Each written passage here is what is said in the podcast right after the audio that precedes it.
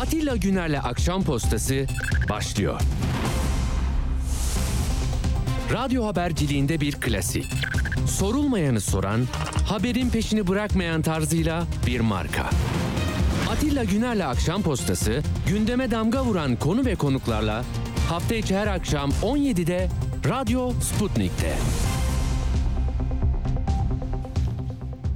Akşam postasından hepinize iyi akşamlar efendim. Evet 2 Haziran Cuma günü haftanın son günü ayın ilk hafta sonuna bir merhaba demek üzere ramak kaldı. Baştan söyleyelim biz bu akşamdan itibaren ekip olarak bir izne gideceğiz. 19 Haziran'da döneceğiz. Yani yaz dönemi çalışmalarımızı e, bazen eleştiriyorlar ya beni. Hep kaçıp gidiyor bu abi niye bu kadar çok izin yapıyor diye. Değil öyle değil öyle değil. Yani adam 42 yıldır çalışıyor. İmkan varsa izne çıksın. Yani bak ne dedik? 19 yaşında başladığımızda nasıl bir Türkiye istiyorduk? O gün ne diyorsak bugün de buna yakın bir şeyler söylüyoruz. Yalnızca böyle binaların boyu uzadı. Köprüler kondu karşıdan karşıya, körfezlere, işte boğazlara. İşte barajlar arttı falan filan da yani işte Çamlıca Kulesi oldu. O tarafta bir cami oldu. Bura tarafta işte yani bir şey değişmedi. Aynı itirazlar, aynı beklentiler var. Dolayısıyla bu insanı yoruyor. Değil mi? Takdir edersiniz ki e, bu kadarlık ömürde zaten bu, bununla mı geçecek hayatın? Yani hak ve özgürlükler mücadelesi, hak savunuculuğu yapıyorsanız dertlisinizdir zaten. Başından itibaren öyle.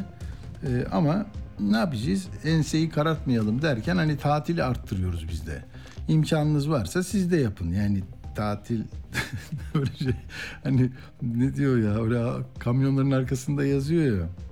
He? Ne diyor? Nazar etme ne olur? Çalış senin de olur falan gibi değil. Böyle böyle değil de hani artık zor ya yani e, hayatın daha iyi taraflarıyla da ilgili olacağız ve mücadeleci ruhumuz itiraz noktamızı e, tasfiye etmeden, revize etmeden aynı yerde e, duracağız gelişerek ama böyle. Tamam on, çok tıraş yaptım. 19 Mayıs'ta, 19 Haziran'da burada olacağız. Şimdi meclisiniz açılıyor. Hayırlı uğurlu olsun. Tamam mı? Mecliste de e, zaten e, işte verdiğiniz oylarla oluştu. Türkiye'nin temsili bir meclisi var. Tamam mı? Siyaset her ne e, diyorsa size siz ona karar veriyorsunuz, oy veriyorsunuz. Bak ne oldu şimdi? E, 268 miydi AK Parti'nin e, onu göremiyorum. 260 Cumhuriyet Halk Partisi 130, Yeşil ve Sol Gelecek 57, MHP 50, İyi Parti 44, Deva 15, Saadet 10, Gelecek. Bunlar yarışmadılar ama hani Kemal Bey onlar için yarıştı. Onların da böyle bir tablosu var. Gelecek e, Davutoğlu 10, Yeniden Refah Erbakan 5, Tip 4, Demokrat Parti 3, Emek Partisi 2, e, Halkların Demokratik Partisi hala iki kişi görünüyor mecliste. Demokratik Sol Parti bir diyor. Bunlar eski de olabilir. Uğur bu meclisten gördüğün için belki e, bunlar tam yansıtmıyor galiba. Neyse Devlet Bahçeli Genel Başkan o yaş nedeniyle Cengiz Çandır'ı ay farkıyla geçerek e, yani şeyde külliyede Erdoğan meclisin e, açılışında da meclis başkanlığını en yaşlı üye sıfatıyla Devlet Bahçeli işte hani buraya kadar geldi memleket tamam mı? Yani yukarıda yürütme, yargı, yasama her şey orada. Bir de Devlet Bey de burada yeminleri yönetiyor. İşte Fatih Erbakan var. Çok lider yok tabii. E, Yeşil Sol'dan İbrahim Akın, Çiğdem Kılıçgün Uçar var. Mitat Sancar, Pervin Buldan var. Önder Aksakal var DSP'den. Sevda Karaca, İskender Baykan var Emek'ten.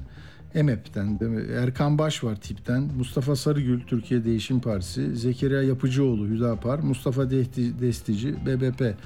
Ee, tabii 6, 8, 10, 12, 14, 10, 17 parti var yani.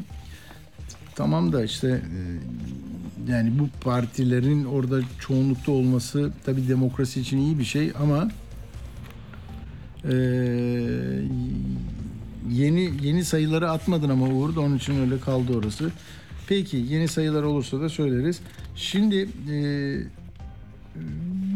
yeminler edilecek. Yani çok meslek hayatımızda hep gördük. Ne diyorlar işte bu taraf yemin edecek mi? Yok Atatürk milliyetçiliği mi? Ayağını mı kaldıracaksın?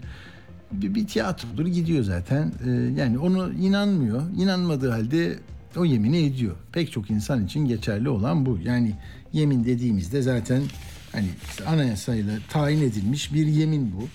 Ee, şöyle ne diyor? Devletin varlığı, bağımsızlığını, vatanın milletin bölünmez bütünlüğünü, kayıtsız şartsız egemenliğini koruyacağıma, hukukun üstünlüğüne, demokratik ve layık cumhuriyete, yani bu demokratik ve layık cumhuriyete bölümü de herhalde başka şey olsa şerh koyarlar. Atatürk ilke ve inkılaplarına bağlı kalacağıma, onda da bir tereddüt çok ciddi bir şekilde var.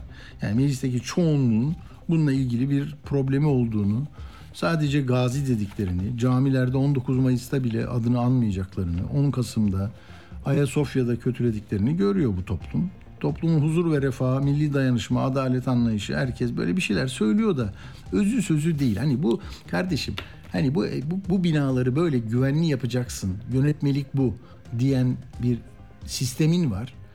Yerine getirmeyen adama tak imar affı. Burada da böyle bir yemin var. Bunu da 12 Eylül'de koymuşlar. Üstünden ne değişiklik oldu ne bir şey. Yani kimse dünyada da böyle yeminler yok. Yani namusunla insan insan hakları için, ülkenin refahı için çalışacaksın abicim. Çalmayacaksın, çırpmayacaksın, abartmayacaksın, yalan söylemeyeceksin. Daha bir şey yok yani. Ama böyle laflar var, uygulamada hiçbir şey yok. Böyle ne diyor? Önce yeminle ilgili itiraz ettiler. Sonra da Hüdaparcılara dediler ki ya yapma akıllı ol. Onlar da sustu. Geçti gitti. Evet şimdi ben konuğumla hemen konuşacağım. Vaktimiz çok sınırlı. Çok konuğumuz var. Sedat Bozkurt'u arayalım hemen arkadaşlar. Ee, şimdi tablo bu. Tamam buradan ne çıkacak göreceğiz. Şimdi ekonomi meselesi hat safhada. Onu da Ali Ağaoğlu var bugün. Ekonomist çok e, önemli gözlemleri oluyor, e, analizleri oluyor. Onunla da konuşacağız. Siyaseti de daha sonra doçent Cangül Örnek'le konuşacağız. E, budur. Yani Ankara'nın bir havasını e, tecrübeli ve iyi koku alan Sedat Bozkurt'la başlayalım. E, merhaba sevgili Sedat Bozkurt, hoş geldiniz. Merhabalar, iyi yayınlar diliyorum. Çok teşekkürler. Tabii onca meclis açılışını gördün e, Sedat. E, buralardan nasıl bir Türkiye seyrini takip ettin? E, sen ben biliyoruz. Bu, bu bugün 2023 100. yıl dönümüne işte ramak kalmış bir memleket meclisi oluştu ve e, bir e, yeni bir sayfa diyelim. Ne görüyorsun bu yeni gün ne, ne, ne anlatıyor bize? Seçimleri geçtik, geldik ve yarın için ge, ne, ne, nasıl bir Türkiye hissiyatı içindesin Ankara'da? Ya hissiyattan daha öte hani hissiyatımla senin dinleyicinin de karamsar bir ortama çekmeyeyim. Bir tamam. tablo tahlili yapayım daha somut evet. şey üzerinden yürüyelim. Ee, yani parlamento Cumhurbaşkanlığı sistemine geçirdikten sonra tamamen devre dışı bırakılmış bir kurum. Evet. Sadece temsili olarak orada duruyor. Yani parlamentonuz var mı? Var. İşte burada hı hı, duruyor. Hı. Binası burada. İçindeki üyeleri de seçimle geliyor. Cumhurbaşkanlığı sisteminde zaten denetleme yetkisi olmayan bir parlamentodan söz ediyoruz. Cumhurbaşkanlığı evet. sisteminde kurumsal olarak denetleme yapan bir e, yer yok. Yani bir kurum yok. Denetlenemeyen bir sistem bu sistem. E, denetleme e, görevi olmayan bir parlamentoda yani iki ayağından biri yok demektir. Tek ayağı var. Tek ayağı ne kalıyor? Yasama. Yasama faaliyetleri neyle sınırlı? Parlamento çoğunluğu Cumhur İttifakı'na e, o Cumhur İttifakı'nda olduğuna göre ve Cumhur İttifakı da tek başına yürütmeyi e, temsil eden Erdoğan'ın mutlak kontrolünde olduğuna göre hmm. yasama görevi de e, hakkıyla yerine getirilmiyor e, ihtiyaç halinde bir yasama faaliyeti yapan bir parlamentonuz var. Bu ihtiyaç nereden kaynaklanıyor? Erdoğan'dan kaynaklanıyor, Cumhurbaşkanı'ndan kaynaklanıyor. Cumhurbaşkanı ülkeyi kararnamelerle yönetmek istiyor ama kararname çıkarma yetkisi sınırlı. O Hı. sınır nerede başlıyor? Yasamanın görev alanına giren meselelerde başlıyor. O zaman da ha, mecburen kapıyı çalıyor değil mi? Böyle bir şey var. Ben yapamıyorum, siz yapın diye. Evet, aynen böyle. Diyor ki ya bu konuda bana bir yasa lazım. Kararnameyle yapamıyorum. Bana böyle bir yasa yapın Hı-hı. diye bir e, tasarı gönderiyor parlamentoya. Evet. Parlamento da bu tasarıyı yasalaşıyor. Hı-hı. Yani prosedürü tamamlıyor. Çıkarıyor. Yani parlamentonun görevi bununla sınırlı. E, evet. O nedenle geçen 5 yıl bize bir hani fragman diyeceğim ama 5 yıl olduğu için fragman değil. Bu pratik bize bundan sonra bugünkü parlamentonun da nasıl bir yol izleyeceğini, ne yapacağını, nasıl bir pratiği ortaya koyacağını gösteriyor. O yüzden çok anlam yüklememek lazım. 5 yılda ne gördüysek parlamento açısından bundan sonraki görev süresine bakmak lazım tabii. 5 yıl sürer mi sürmez mi? Yani 2 yılın garantisi var ama sonrasını gene buralarda konuşuruz. Aynısı Tabii. olacaktır. Yani değişik bir şey olmayacaktır. Çünkü sistem bunun üzerine kurulu. Yani sistemden öngör, öngörülüyorsa parlamentoda da onu yaşayacağız. Peki bu 17 parti olması bir şey ifade ediyor mu Sedat Bozkurt bize? Yani daha yani Türkiye'yi temsil kabiliyeti yüksek, hani bazı yasalarla e, ilgili kaygılarını, önerilerini e, ortaya koyup yeniden şekillendirmeye gücü yetmiyor bu, bu, insanların değil mi? Bu grupların ama e, ona ne, ne demek lazım? Ya şöyle olabilirdi. Yani bazen 3-5 milletvekili bulunan partiler bile bir anda anahtar olabiliyorlardı. Hı hı. Gördük işte 96'da Refah Yol döneminde gördük. 7, 7 milletvekili olan Büyük Birlik Partisi bir anda anahtar parti konumuna gelmişti. Evet. Ee, şimdi o nedenle şimdi böyle bir tablo yok. Çünkü niye Cumhur İttifakı bileşenleri 300 milletvekilinin üstüne çıkmış vaziyetteler. Hani Tabii. 300 milletvekilinin üstüne çıkmak ne anlam ifade ediyor? Karar alma ya da yasa çıkarmak için o salt çoğunluk 301 milletvekiline tekabül ediyor.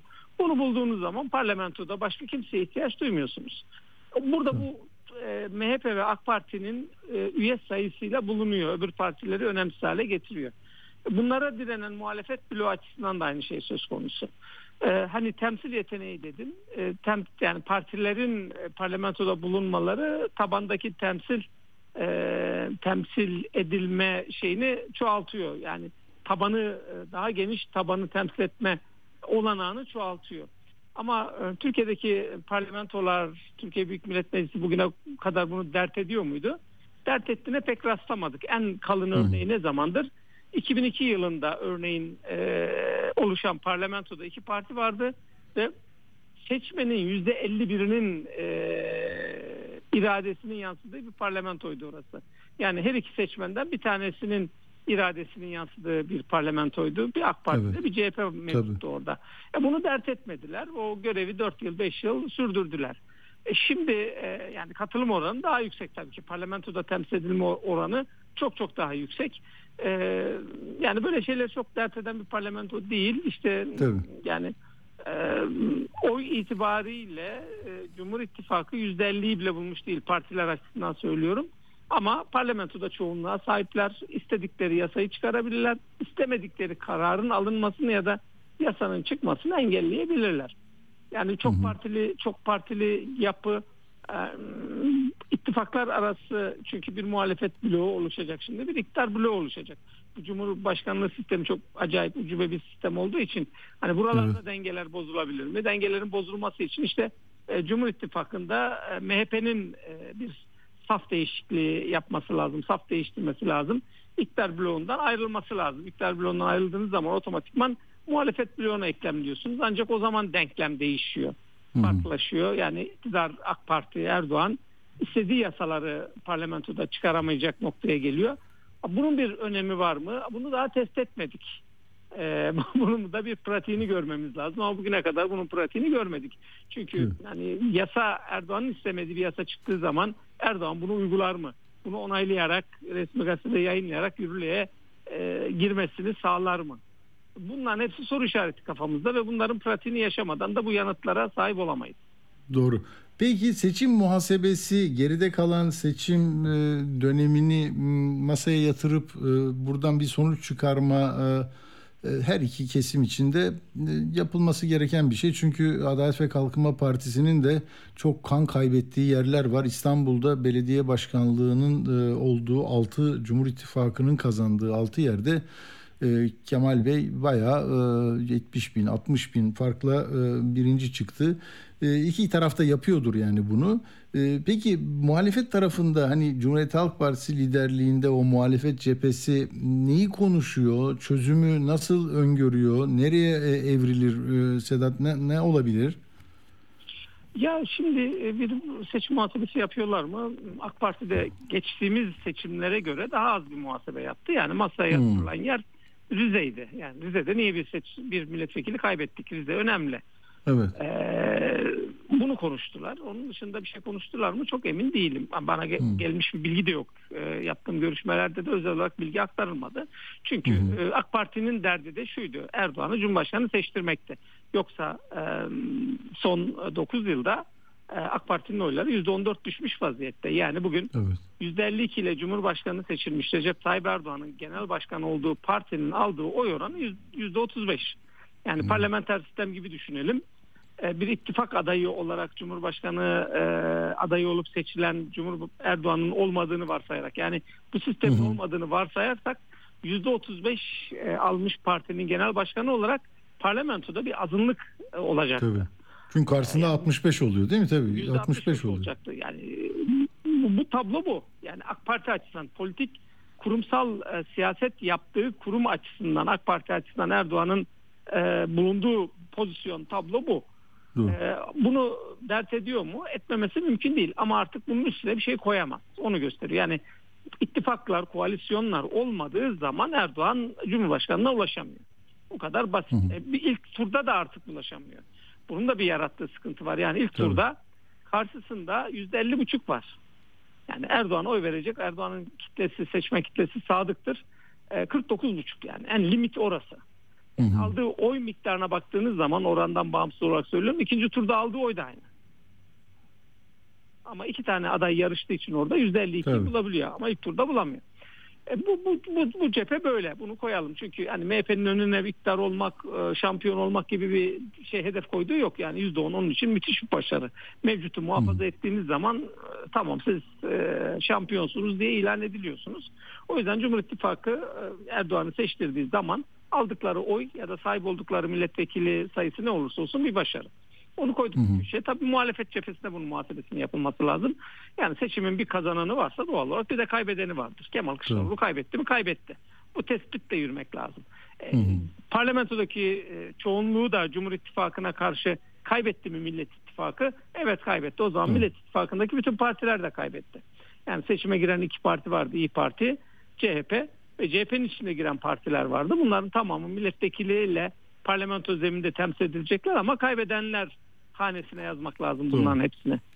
Ee, şimdi bu, bu buradan bu tahlil yaparak bir tespit yaparak bir durum tespiti hatta hasar tespiti yaparak yol almak lazım.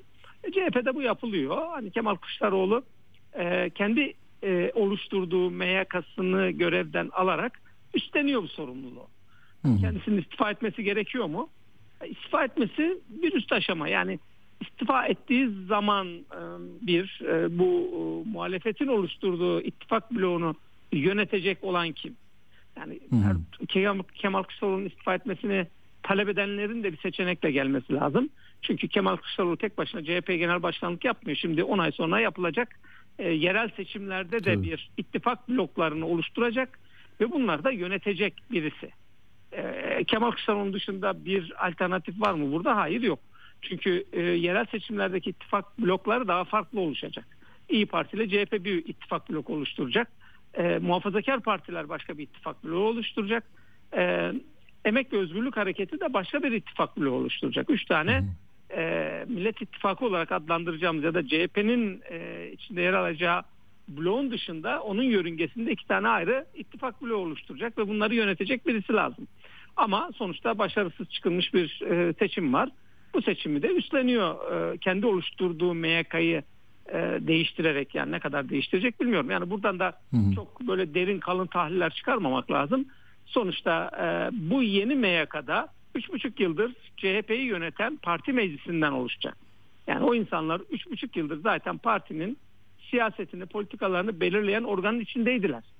Yani Hı. Amerika'dan, Kanada'dan getirilmiş insanlar değiller bunlar. Tabii. Ha, bir de yeni oluşacak MYK gene e, Kemal Kılıçdaroğlu'nun inisiyatifiyle oluşacak. Çünkü daha önce seçimle oluşuluyordu Merkez Yürütme Kurulu. E, artık e, genel başkanın e, tercihiyle atamasıyla oluşuyor.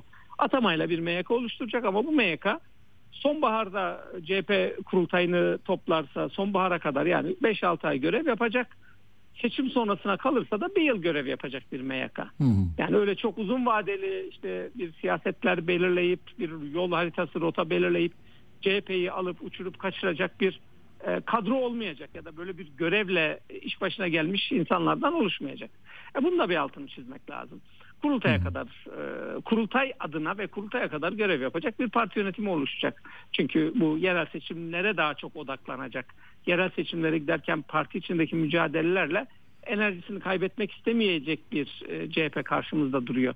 Yani m, Kemal Kılıçdaroğlu'nun oradaki varlığı da birazcık buna işaret ediyor ve e, birazcık da genel başkanlıktaki e, varlığını sürdürme iradesini de buradan alıyor. Çünkü bu yerel seçimde CHP'nin veya da CHP'nin oluşturacağı blokların, ittifakların kazanma ihtimali e, iktidar bloğuna göre daha fazla. Bunu niye söylüyorum? 2019'da da böyle oldu ve e, seçmen iktidarı uyarıyor yerel seçimlerde. Hangi iktidar olursa olsun. AK Parti'den hoş, hoşlanmayan, yerel seçimlerde hoşlanmayan bir seçmen kitlesi var sokaklarda. Ve bu sefer %35 olan AK Parti'nin oyunu %30'larda falan görebileceğimiz bir seçim süreci de yaşayacağız. Birazcık da şey e, tablonun okuması buna işaret ediyor. Hı hı. Hatta bir erken seçim yani hiç bilinmeyen tarihte bilinmeyen bir randevudan da söz edenler yok değil değil mi Sedat? Öyle hani sanki 5 yıllık bu yasal süre dışında bazı gelişmeler nedeniyle bir erken seçim lafları da konuşuluyor galiba. Ya tabii ki konuşulur ama bu yerel seçim çünkü yerel seçim iktidara karşı bir direnç noktası. Yani hmm. Millet İttifakı'nın e, varlık nedeni hala orada duruyor. Hatta bu seçimde evet. gücünü tahkim ederek karşında duruyor. Yani Millet İttifakı bir tercih değildi. Demokratik bir gereklilikti, zaruriyetti, hmm. zorunluluktu. Bir direnç noktasıydı orası. Yani o, o, o örgütlenme, o yapının hatalı olduğu sonucuna varabilir mi insan bu seçim e, yenilgisi nedeniyle? Kesinlikle hayır. E, Değil başka mi? seçeneğiniz başka seçeneğiniz ha. yok çünkü. Yani ya sonuca bakarak öyle söyleyenler de var ya işte bak gördünüz böyle yaptınız böyle oldu gibi diyorlar. Yani başka bir, başka bir model var mıydı? Çünkü karşınızda hmm. katı sağ bir blok var. Yani kendisi dışındaki herkesi karşısına koyarak siyaset yapan evet, bir evet. ittifak blok modeli var. E burada ne yapacaksınız? Soruyorum size. Yani bu ittifak olarak girilmeseydi ne olurdu? Hmm. Ne, ne olabilir? Seçenek neydi? Yoktu. Mecburluk, mecburiyet üzerine kurulmuş bir ittifaktır evet. bu. Ve buradaki her siyasi yapının da bir karşılığı vardır, bir anlamı vardır. Ee, Saadet, Saadet Partisi örneğin bakın 2019 seçimlerinde hep e, Ekrem İmamoğlu'nun e, galibiyetini ki oradaki İstanbul'daki Kürt seçmenler üzerinden okuyoruz. Oysa evet. E, bir ittifak modeli olarak gene Kemal Kılıçdaroğlu'nun kurguladığı bir stratejiyle Saadet Partisi ittifakın içinde yer almadı. Millet İttifakı 3 partiden oluşuyordu. İyi Parti, CHP ve Demokrat Parti'den. Hı hı. Saadet Partisi bu ittifakın dışında kalarak İstanbul'da aday çıkardı. Ve ilk turda 13 bin oy fark vardı ve Saadet Partisi'nin adayı yanlış hatırlamıyorsam 80 bin ya da 100 bin oy aldı. Şimdi Saadet Partisi aday çıkarmasaydı Saadet Partisi'ne oy veren seçmen gerçekten CHP'nin adayına mı oy verirdi? AK Parti'nin adayına mı oy, oy verirdi? Ya bu tartışılması bile fuzuli bir şeydir. AK Parti'nin adayına oy verirdi. Ve Tabii. ikinci tura kalınca Saadet Partisi çok az oy almış olmasına rağmen aday ısrarını sürdürdü. Burada evet. stratejik bir e, tablo Doğru. var, hareket Doğru. var. Şimdi o yüzden ittifakların nasıl kurulursa kurulsun. Yani e, şimdi İyi Parti ile CHP bir ittifak modeli kuracak, yerel seçim öyle gidecekler, adı Millet İttifakı olacak ama onun dışında muhafazakar blokta bir ittifak oluşturacak. İstanbul'da onlar güçlü bir aday çıkaracaklar. E, şimdi e, HDP siyasetinin artık HDP olmayacak muhtemelen. E, Emek ve Özgürlük Hareketi'nin bileşenleri e, partiler de bir ittifak modeli oluşturacaklar. Hani onlar da büyük kentlerde bir şey çıkarmayacaklar. Ha, bunlar bir organize hareket etmeyecekler. Durumdan bir e, hı hı. ders çıkararak, tabloyu okuyarak bir pozisyon alacaklar. Aynı o 2019 seçimlerinde Tabii. olduğu gibi. E, böyle bakmak lazım bu, bu meseleye. E, o nedenle hani CHP'de CHP'deki tek Kemal Kılıçdaroğlu'nu bir Kemal Kılıçdaroğlu bir CHP'nin genel başkanı olarak düşünmemek lazım. Bu ittifak modellerini kuracak, işletecek hatta bir kadro, bir kolektif hareket olarak e, bunlara bakmak lazım. Evet, daha e, konuşacağımız çok mevzu var erken gibi görünüyor. Meselesine, erken seçim Hı. meselesine e, bir e, yorum yapayım. Hı. Yani yerel seçimlerde muhalefet bloğunun ön alması, başarı kazanması mümkün gözüküyor. Yani daha önceki pratikler üzerinden bu cümleyi kuruyoruz. Ve yerel seçimlerde seçmeni ikna edebilecek bir öyküsü olmayan bir ittifak bloku var karşımızda. Yani MHP'nin zaten yerel seçimlerde ne kadar gücü takatı olduğu başka bir mesele. Ee, diğer partilerin yerel seçimlerde bir etki yaratma ihtimalinin bile olduğunu ben düşünmüyorum. Hani önümüzdeki daha önce yaşadığımız yerel seçimlere bakarak bunları söylüyorum. Ha, yerel seçimlerde %30'un altına düşmüş AK Parti'de moral bozulur. Zaten bu ülke çok yönetilebilir olma niteliğini kaybetmiş vaziyette ekonomik nedenlerden dolayı. Ben ekonomistim ve uyguladığım bütün ekonomi modelleri doğrudur diyen Erdoğan e, kendi ekonomisinin uyguladığı ekonominin ya da uyguladığı ekonominin aktörlerinin savunduğu düşüncelerin antitezi olan Mehmet Şimşek'in peşinde koşuyor. Ya, Ee, Mehmet Şimşek nazlanmasına rağmen ısrarla onu yeni yönetimin başına, yeni ekonomi yönetiminin başına getirmek istiyorlar. Bu benim uyguladığım ekonomi modeli iflas etmiştirin itirafıdır aynı zamanda. Ve bu koşullarda bir siz ekonomi yöneteceksiniz. Yani siz, sizin savunmadığınız, sizin onaylamadığınız ekonomi modelini yönetecek insanları ekonominin yönetimine getireceksiniz ve buradan başarılı bir yol haritası çıkaracaksınız ya da bunu kabulleneceksiniz, bunu sindireceksiniz. Bu çok mümkün gözükmüyor. Yani Mehmet Şimşek'i vitrine koyarak bir batıdan gelen sıcak paranın para konusunda garantiniz olamaz. Ama deneyeceksiniz. Çünkü Erdoğan yönetimi yeni Cumhurbaşkanlığı sistemi böyle. Deneme yanılma yöntemiyle giden bir yönetim. Bir de bunu deneyeceğiz. Çünkü Mehmet Şimşek'in altına konumlandırmaya çalıştığınız iki isim Cevdet Yılmaz'da, Lütfü Elvan'da daha önce iki tur attılar. Bakan koltuklarına oturdu oturdu kalktılar. Olmadı. Şimdi olacak mı olmayacak mı onu da test edeceksiniz. Tüm Türkiye ile birlikte kendisi de deneyerek öğrenecek. Yani çok zor. Evet şuna da unutmamak lazım. Türkiye'de hiçbir seçim zamanında yapılmadı. Bakın Erdoğan çok güçlüydü, çok kuvvetliydi. Muhtelif nedenlerden dolayı ben ona e, öğrenmiştim saraydan. Kalp gözü açık hocaların da önerisiyle bir ay önceye alındı. Gene erken seçim Hmm. yapıldı. Şimdi önümüzdeki seçim erken olmak zorunda. Çünkü niye? YSK'ya onaylattığı adaylığıyla Erdoğan bir kez daha Türkiye Büyük Millet Meclisi'nin erken seçim kararı alması halinde aday olma hakkını elde etti. Yani Erdoğan'ın bir kez daha aday olma koşulu Türkiye Büyük Millet Meclisi'nde bir erken seçim kararı alınmasına bağlıdır. Burada da 360'lık sayısal çoğunluğu yok. O zaman muhalefetin kapısını çalacak. Ama muhalefet de işte bir ay önce, iki ay önce buna evet demeyecektir. Aynı bu dönemde yaşadığımız gibi. Kendisi öne aldığı zaman zaten aday olamıyor. Cumhurbaşkanının bu yetkisi var bir kez kullandı. Bir daha kullanabilir mi? Kullandığı zaman aday olamıyor. Tek koşul parlamentoda 360'ın üzerinde e, bir oyla e, erken seçim kararının alınması. Yerel seçimden bir yıl sonra biz bunları konuşmaya başladık. Bir erken seçim e, ülkenin önünde somut olarak duruyor yani. Anladım. Peki Sedat Bozkurt çok teşekkür ediyoruz. Çok iyi bir ufuk turu oldu bizim için de. Sağ ol katkıların için. Ben teşekkür ediyorum. İyi yayınlar hepinize kolay gelsin. Sağ ol, sağ ol. Evet zaman kaybetmeyelim hemen bir de akademi gözüyle akademik bir gözle bakalım meseleye. Ee, ilk kez e, konuşacağız bu radyoda doçent doktor Cangül Örnek e, hattımızda. Merhaba Cangül hocam hoş geldiniz. Merhaba, hoş bulduk. Evet sizin e, bir sosyal medyada mı gördüm çok ilginç bulmuşum bunu not almışım. E, Tencere gerçekten ne kadar boşaldı? Kimin tenceresi daha çok boşaldı? Dünyaya bakalım tencerenin kapağı açılmasın diye her türlü ırkçılık, gericilik hatta savaş kışkırtılıyor. Bunların yaşandığı tek ülke mi sanıyorsunuz Türkiye'yi? Evet bu çarpıcı geldi bana çünkü hani ya Demirel'e de atıfla bir böyle tencere gidiyorlar işte soğan böyle patates böyle gıda şu ne oldu da böyle oldu ve siz buradan e, neyi anlatmaya çalışıyorsunuz Türkiye'ye hocam?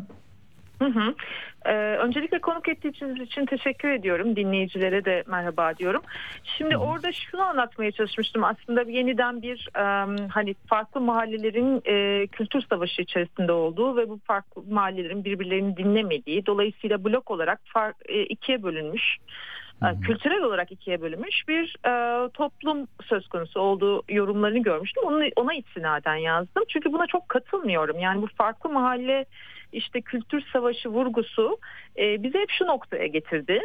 E, eğer diğer mahallenin dilini konuşabilirsek yani adını koyalım. E, diğer mahallede de- de- denilen şey e, muhafazakar mahalle ise bir taraf işte daha kentli, şehirli, işte daha e, moderniteden e, yana, e, moderniteyle buluşmuş bir kesim. Karşı taraf daha muhafazakar, bu dinsel muhafazakarlık olabilir, milliyetçi muhafazakarlık olabilir.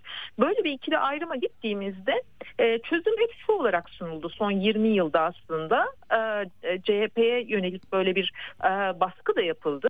Yani karşı mahallenin dilini benli konuşursan onlar gibi görünürsen e, burada bir yarılma yaratabilirsin. Şimdi Hmm. e, dolayısıyla seçimden sonra tekrar ya gördün mü işte o mahalle hiçbir şekilde bizi dinlemez e, yorumlarının e, alevlenmesiyle beraber onu yazdım. Çünkü aslında e, bu bizim e, sorunumuzu tam olarak açıklayamadığı gibi buradan çözüme de gidemiyoruz. Yani buradaki çö- Hmm. böyle tarif ettiğinizde çözüm nedir? E, onların gönlünü çelen, onlar gibi muhafazakar olan bir şey yapmaktır. Şimdi bu işe yaramadı, onu görüyoruz.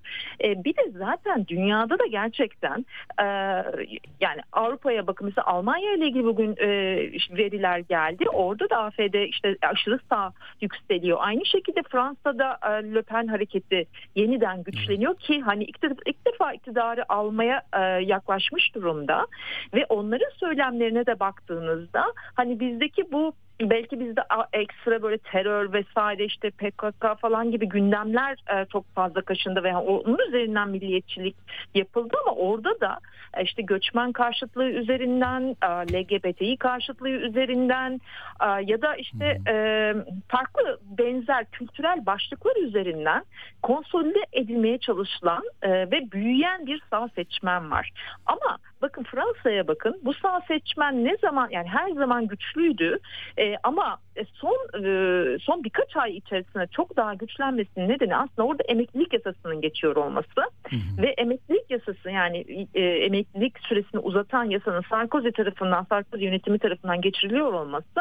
E, şimdi orada e, bütün mücadeleye rağmen sınıfsal bir karşı koyuş olamadığında e, insanlar öf- e, yani o öfkelerini bir yandan da kendileriyle aynı pastayı paylaştığını düşündüğü başka insanlardan almaya başlıyorlar. Yani orada da aslında kriz Türkiye her ne kadar dünyadaki krizden ayrışıyor olsa da Avrupa'da da kriz ve savaş gündemi genel olarak ki oradaki savaş harcamaları da şu an çok yüksek. E, buna bağlı olarak işte maliyetlerin özellikle e, e, şey maliyeti, enerji maliyetlerinin yükseliyor olması, bunun üzerinden duyulan kaygılar orada da e, sağın yükselişine ve m, hani daha makul işte daha e, e, işte hani e, yoksulluğa, e, sınıf haklarına işaret eden e, siyasetlerin sıkışmasına yol açıyor. Şimdi dolayısıyla biz Türkiye olarak tabii ki çok fazla e, sorunumuz var ve dolayısıyla bu sorunlar bizi çok fazla içeriye kapanmaya itiyor. E, şahsen ben de e, bütün bu seçim sürecinde büyük oranda yani kendi ülkemin içine baktım ama e, hep seçimden sonra şunu söylüyordum çevreme de şunu söylüyordum ya bir dünyaya bakalım yani bu kadar da biz dünyadan kopuk bir şey yaşamıyoruz.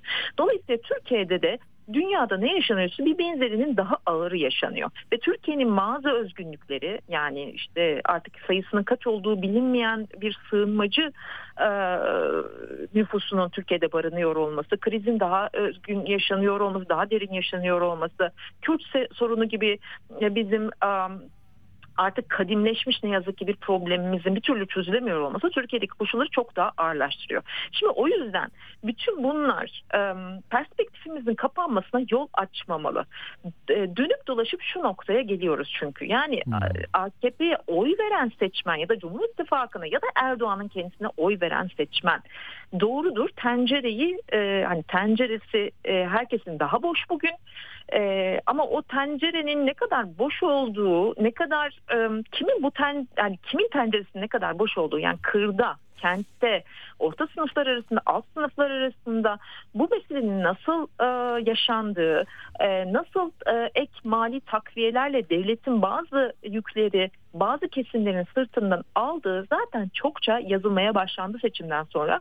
Ben o tartışmayı değerli buluyorum ve dönüp ona bakmamız gerektiğini düşünüyorum. Örneğin Aziz Çelik bir günde bilmiyorum okuma şansınızda oldu mu bir yazı yazdı ve şey meseleyi çok net bir şekilde ortaya koydu. Daha sonra da farklı araştırmalar bize gösterdi ki aslında birincisi e, mesela kiraların artışlarına bakın kira artışları Hı hı. belli kentleri daha çok vuruyor. Yoksa e, kırsal alanlar ya da daha hani küçük kentler bundan e, mesela bir İstanbul bir Antalya kadar etkilenmiyorlar ya da ev sahipliği oranı e, kentlerde, büyük kentlerde, büyük şehirlerde bambaşka seviyelerde, Anadolu'nun daha küçük e, yerlerinde bambaşka seviyede. Yani insanların az buçuk başını koyabilecekleri evleri var. Hani siz bunun koşullarını beğenirsiniz, beğenmezsiniz, orada yaşarsınız, yaşamazsınız.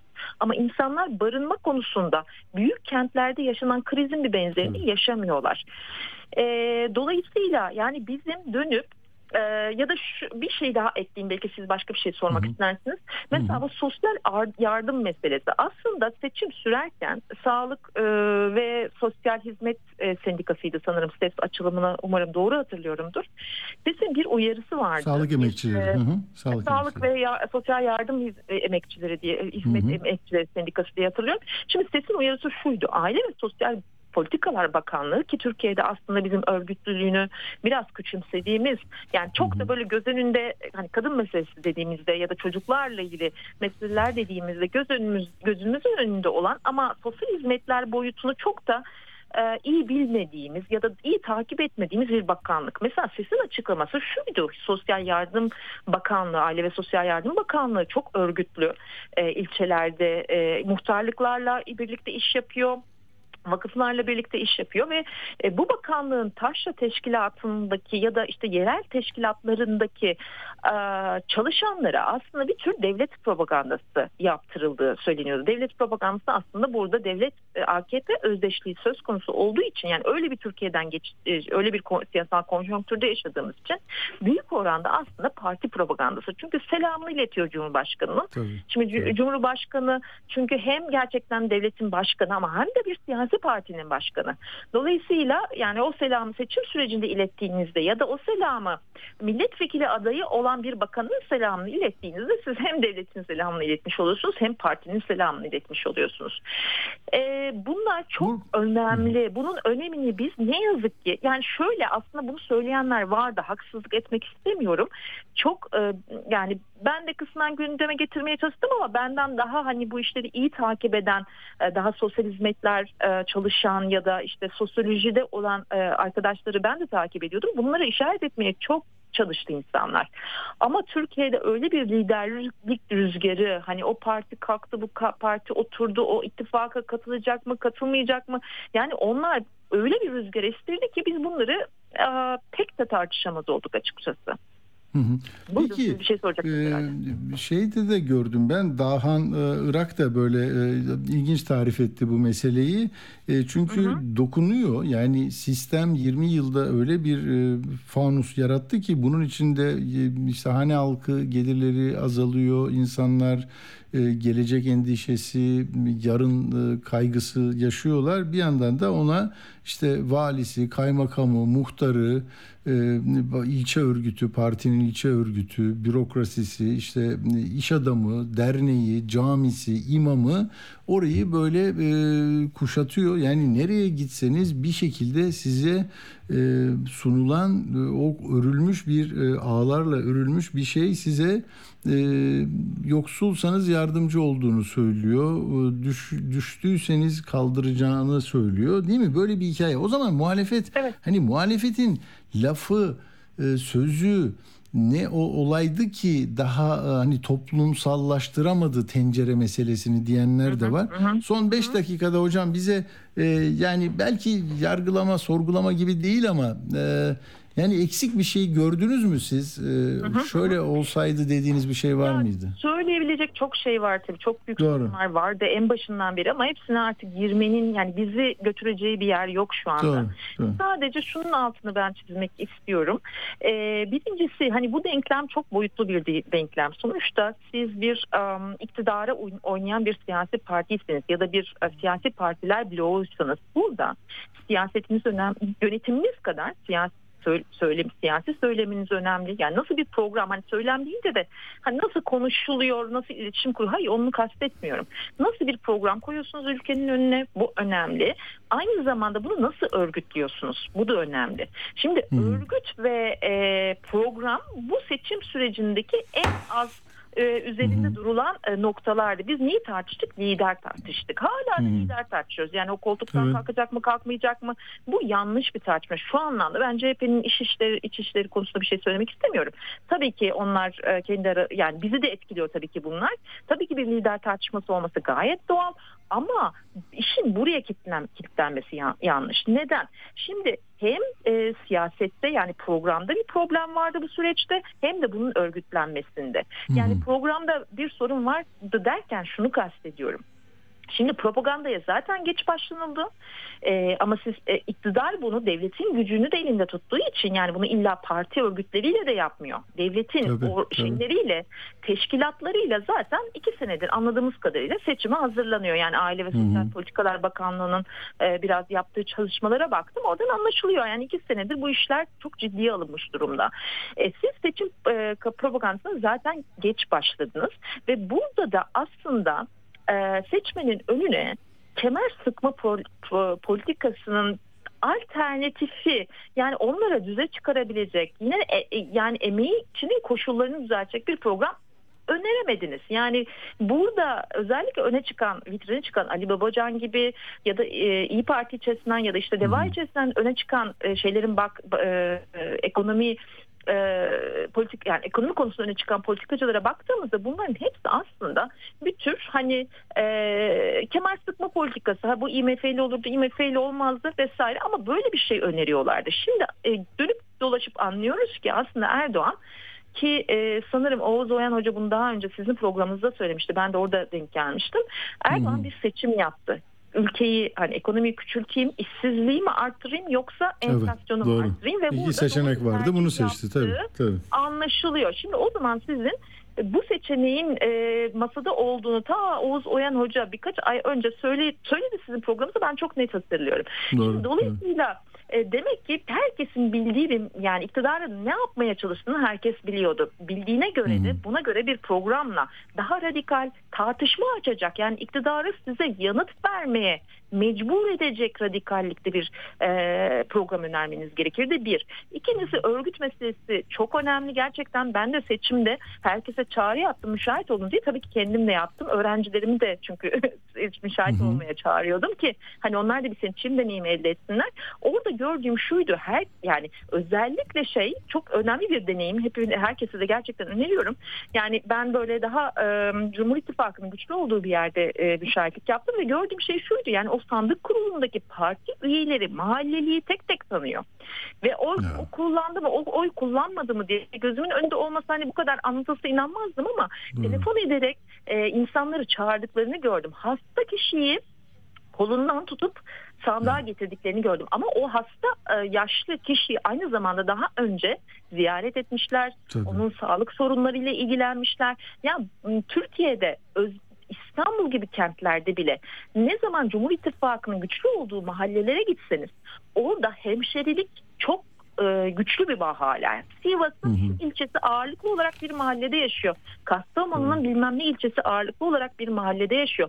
Ve bu insanlar birbirlerini cuma namazından, bayram namazından, e, işte ne bileyim oradaki... Kandillerden kandil e, 5 her yılda 5 kez kandil var. Kandil simidi götürseler yeter. Evet düşünün ben oraya müşahit olarak başka bir mahalleden gidiyorum. Ama orada o mahallenin yerlileri var ve onlar birbirlerini isim isim tanıyorlar. Bence tabii bu genellenebilir gibi geliyor bana. Çünkü e, gördüğüm kadarıyla insanlar da benzer deneyimler hep paylaşmışlardı. Dolayısıyla sözünüzü örgütlemeniz lazım. Yani sözünüzü örgütlemezseniz e, istediğiniz kadar büyük sözler söyleyin, istediğiniz kadar doğru şeyler söyleyin. Böyle bir propaganda kısıtının, böyle bir basın karartmasının olduğu yerde bu söz Ya. bangır bangır evlere giremiyor. Giremiyorsa siz ne yapacaksınız? Son dakika zili çalarak değil ama mahalledekini tanıyarak işte yani örgütçülük böyle bir şey. Bunu herkes yapamaz. Biz Tabii. daha bireyselleşmiş kentlerde bireyselleşmiş yaşamlara alışkın insanlarız. Ama görüyoruz ki yani daha fazla örgütçülük yapan bir muhalefet, daha güçlü bir e, muhalefete ihtiyaç var. Dolayısıyla hem siyasette hem örgütte ciddi sıkıntılar olduğunu e, söyleyebiliriz. Umarım e, büyükşehir seçimleri sürecinde yani daha doğrusu yerel seçimler sürecinde bu sıkıntılar gidebilir bir nebze de olsa. Umarız. Peki e, doçent doktor Cangül Örnek çok teşekkür ediyoruz bize katıldığınız için, görüşlerinizi paylaştığınız İyi için sağ olun. Hoşçakalın, sağ olun. Hoşçakalın.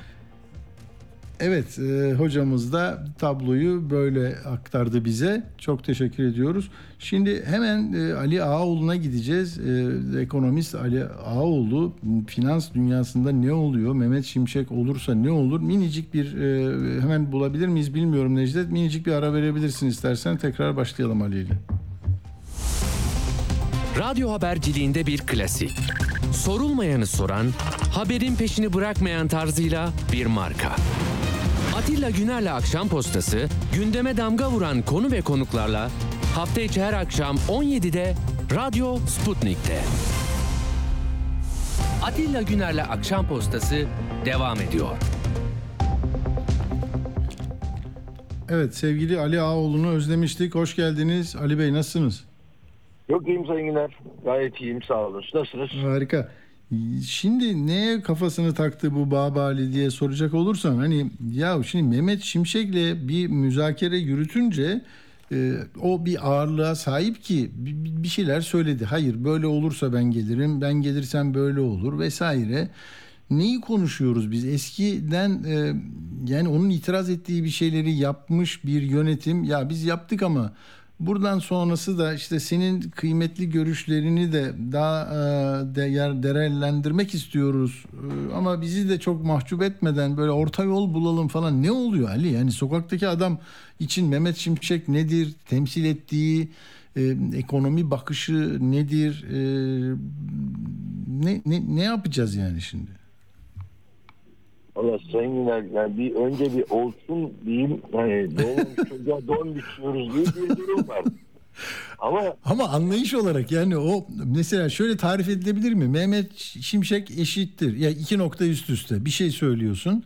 Bir de şimdi uygulanan yeni Türkiye ekonomi politikası yani bugüne kadar uygulanan iki nokta üst üste. İkisi birbirleriyle çelişen şeyler miydi?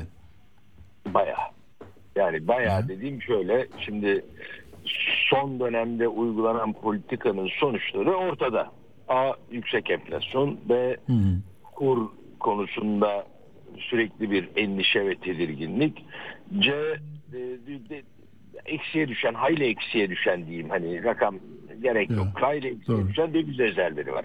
Şimdi ben, O cari açık falan o da onun bir parçası mı? Hani yani arttı diye yine geldi ya bugün. Cari, aç, cari açığı biz rezervlerden fonladığımız için sorun Hı. cari açık yaratabilmek için önce fonlama gerekir.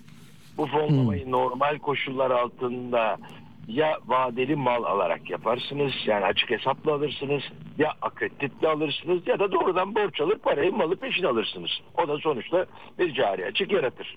Şimdi biz bu cari açığı yaratıyoruz yani ihracatımız ithalatımızdan daha az olduğu için ticaret açığı yaratıyoruz. Sonra bunu gerek turizm gelirleri, gerek işçi dövizleri veya diğer kalemlerle hatta hatta net hata noksanla belli oranda kapatabiliyoruz. Kapatamadığımız bölgeyi de Merkez Bankası rezervlerinden takviye ediyorduk. Evet. Ne kadar bir problem yoktu. Ta ki rezervler son derece az hale gelene kadar diyelim. Şimdi bu noktadan itibaren bunun sürdürülmesi çok zor. Yani neden zor? İmkansız üçleme dediğimiz hani literatürde faiz, kur ve ödemeler dengesinin üçünün aynı anda kontrol edilemeyeceği gerçeğini biz tersini ispatlamaya çalışan bir 18 aylık 20 aylık bir süreç geçirdik. Ve ma- maalesef 85 milyonluk bir deneyle bunun olmadığını da görüyoruz, göreceğiz. Daha da görmedik bazı şeyleri hani eee, kötü günler geride kaldı daha kötü günler bizi bekliyor lafının benzeri bir durum var. Şimdi bunu Peki se- burada ya çok özür dilerim Ali Bey. Bu hani seçim sandık bize geldiği zaman geride bizi yakan, canımızı sıkan, bizi küçülten yani harcamalarımızın kısılmasına, soframızdaki yiyeceklerin azalmasına yol açan hikayeyi de oylamış olmuyoruz mu biz? Yani e, Bunun böyle olduğunu bilsek ona göre oylama yaparız. Hmm. Bunun böyle olduğunu çok iyi bilmiyoruz. Çok iyi anlatılmıyor veya çok iyi hissetmiyoruz. ya da anlatılanlar çok daha güzel geliyor değil mi? Böyle şov kısmı daha iyi geliyor. İnsanlar, insanlar kötü haberleri daha fazla Hmm. duymayı severlermiş ama iyi haberleri okurlar. Yani basit Hmm. bir şey. Yani böyle ilginç bir durum var orada ama şimdi görmedik. Yani ve bunun görülmemesi için de Merkez Bankası'ndaki ve bankacılık sistemindeki kaynakların çok önemli bir kısmını e, bu sorunu örtmek için kullandık. E, ama o sorun orada duruyor. ve o sorunu iyileştirici adımlar atılmadı, atılamadı. Yani birçok sebeple. Şimdi gelinen noktada bu heterodoks politikalar dediğimiz aslında heterodoks dediğimiz şey şu. Alışılagelmiş tespit şey daha önceden denenip ve test edilip onaylanmış ve doğru sonuçlar verdiğine inanılan politikaların yerine siz deneysel yeni politikalar, farklı de önlemler aldığınız duruma heterodoks deniyor. Ortodoks dediğimizde bilinen e, alışılagelmiş veya daha önceden denenip onaylanmış, test edilmiş, test edilip onaylanmış olan yöntemler diyelim ortodoks yöntemlere. Biz ortodoks yöntemlerden vazgeçtik. Onlar zor çünkü bizim için. E, uygulanması, yapılması zor. Hatta oy kaybına yol açan şeyler. Onun yerine kendimize göre hetero- heterodoks adı altında kafamıza göre bazı önlemler aldık. Bunların sonuçları tabii ki çok istendiği gibi olamıyor. Olamayacak da olmadı, olamıyor, olamayacak. Yani bunların hepsi e, ne yazık ki bizim ülkemizin koşullarına çok uymayan durumlar. Neden bizim ülkemiz diyeyim? Şimdi siz e, tek başına müthiş bir petrol ihracatçısı Suudi Arabistan'ın bu önlemleri alması da çok şaşırtıcı. Bakmazsınız çünkü elinde yeterince rezervi stoğu vardır. Bunu bir dener. Başarılı olursa ne hala onu uygulamaya devam eder. Ama bizde öyle bir durum yoktu. Şimdi gelinen noktada bu e, ne şiş yansın ne kebap yansın misali işte heterodokslar çalışmadı ortodoksa da dönmek istiyoruz ama biz de daha önceden söylediklerimizin çok fazla yalanlanmasından hoşlanmayacağız. İyisini bir Hibrit, hibrit bir şey yapalım. Hibrit olmuyor mu? Hibrit Hibrit şey arabalar var. e, hibrit arabayı çalıştırıyorsun ama sonuçta birinin eninde sonunda benzinli arabaya muhtaçsınız hibritlerde. Yani tek başına elektriksizce yeterince menzil yok diyelim. Şimdi e, Şimşek ismi piyasaların bir kredi bir kredi açabileceği bir isim. Yoksa e, daha önceki var olan isimleri tekrardan gündeme getirecek olur iseniz onlar için denenip yanıldılar. E zaten bu durum aynı şekilde devam edecek. Değişen bir şey olmayacak. O yüzden de işler daha kötüye gidecek beklentisi veya endişesi piyasaları daha olumsuz etkileyecektir. Ona karşılık nasıl bir önlem alırım sorusunun yanıtı Mehmet Mehmet Şimşek ismiyle ortaya çıkıyor. Ee, evet yani bir kredibilitesi mutlaka var ama maalesef tek başına yeterli değil. Üstü, üstüne üstlük ben bunu daha önceden de bir e, ekonomi gazetesindeki röportajda da söyledim. Aynı felsefe ve bakış açısı devam edecek olursa Şimşek de işe yaramaz, yeterli olmaz demiştim ben. Aynı Çok, şeyi çok doğru. Ama işte o pazarlık da biraz iki görüşme falan değil mi? Gidiş gelişler. E, bir kulisleri okudum. Nuray Babacan'ın diyor ki böyle aileden birileri de ya olursa daha iyi olur diyor. Bazı iş dünyasından birileri bakın bir, bir arayı bulalım derdindeler değil mi? Yani şimşek Aynen var ama öyle. eski politikalar var olmaz ki öyle bir şey.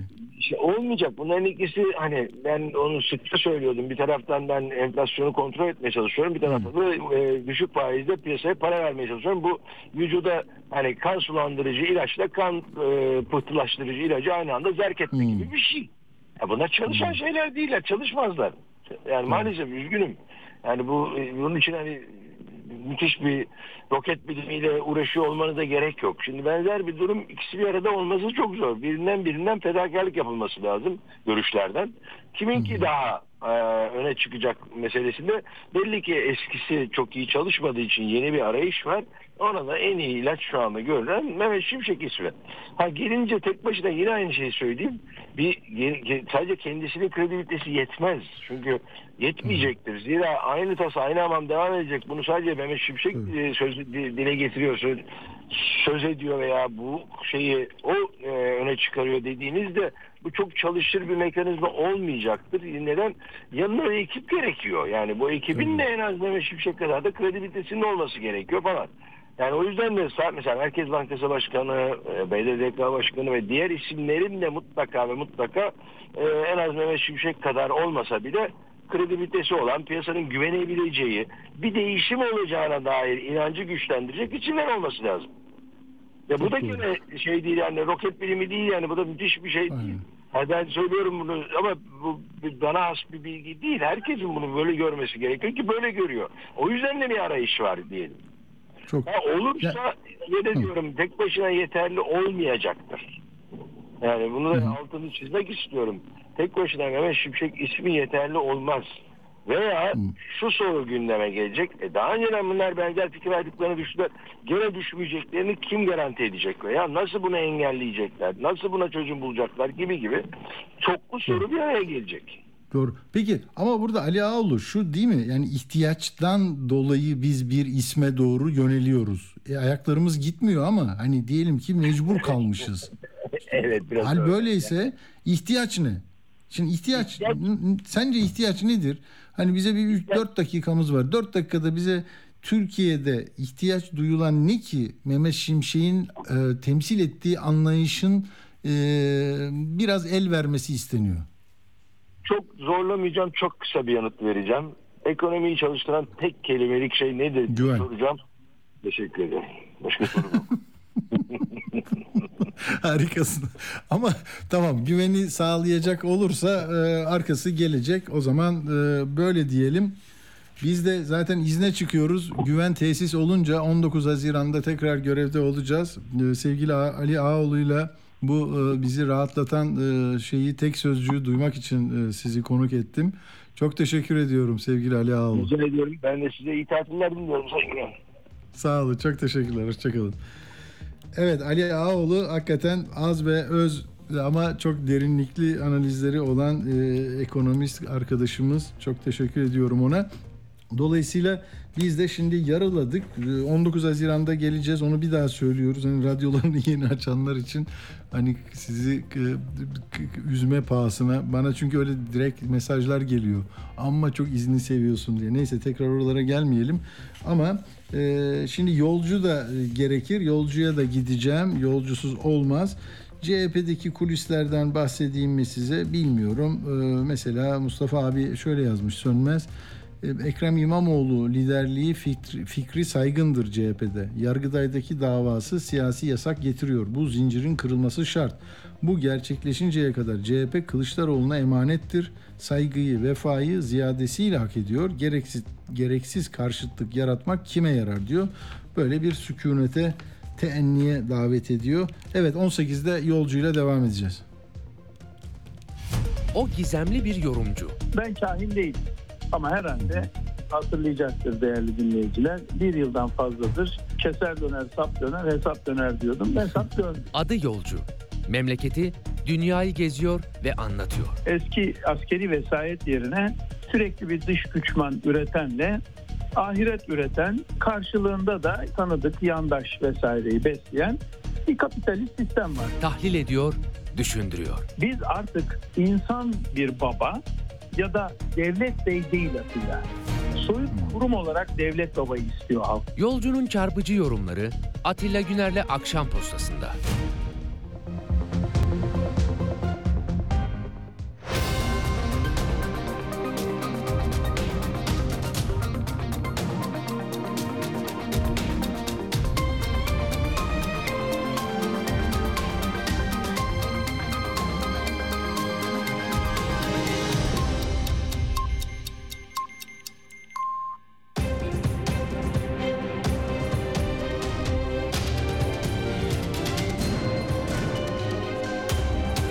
Radyo Sputnik.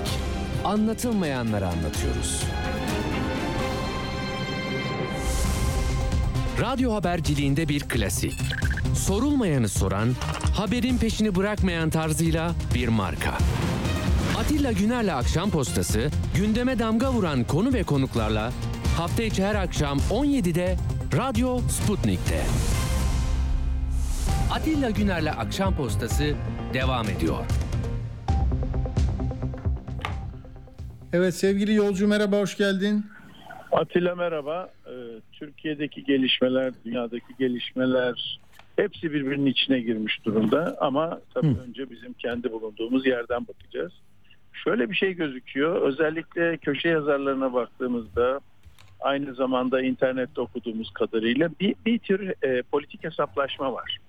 Hı hı. Politik hesaplaşma ilk olarak işte daha önce HDP ile başlayan bugün Yeşil Sol Parti'ye dönmüş e, daha ağırlıklı Kürt vatandaşların bulunmuş olduğu e, bir siyasi oluşumda bir tür ağırlık merkezi kayması var. E, Demirtaş'ın en azından pratik siyasetten çekiliyorum dediği zaman pratik siyasetten çekildiği zaman teorik siyasette mi kalacaksın? Yani nerede kalacaksın? Orası biraz gri bir alan.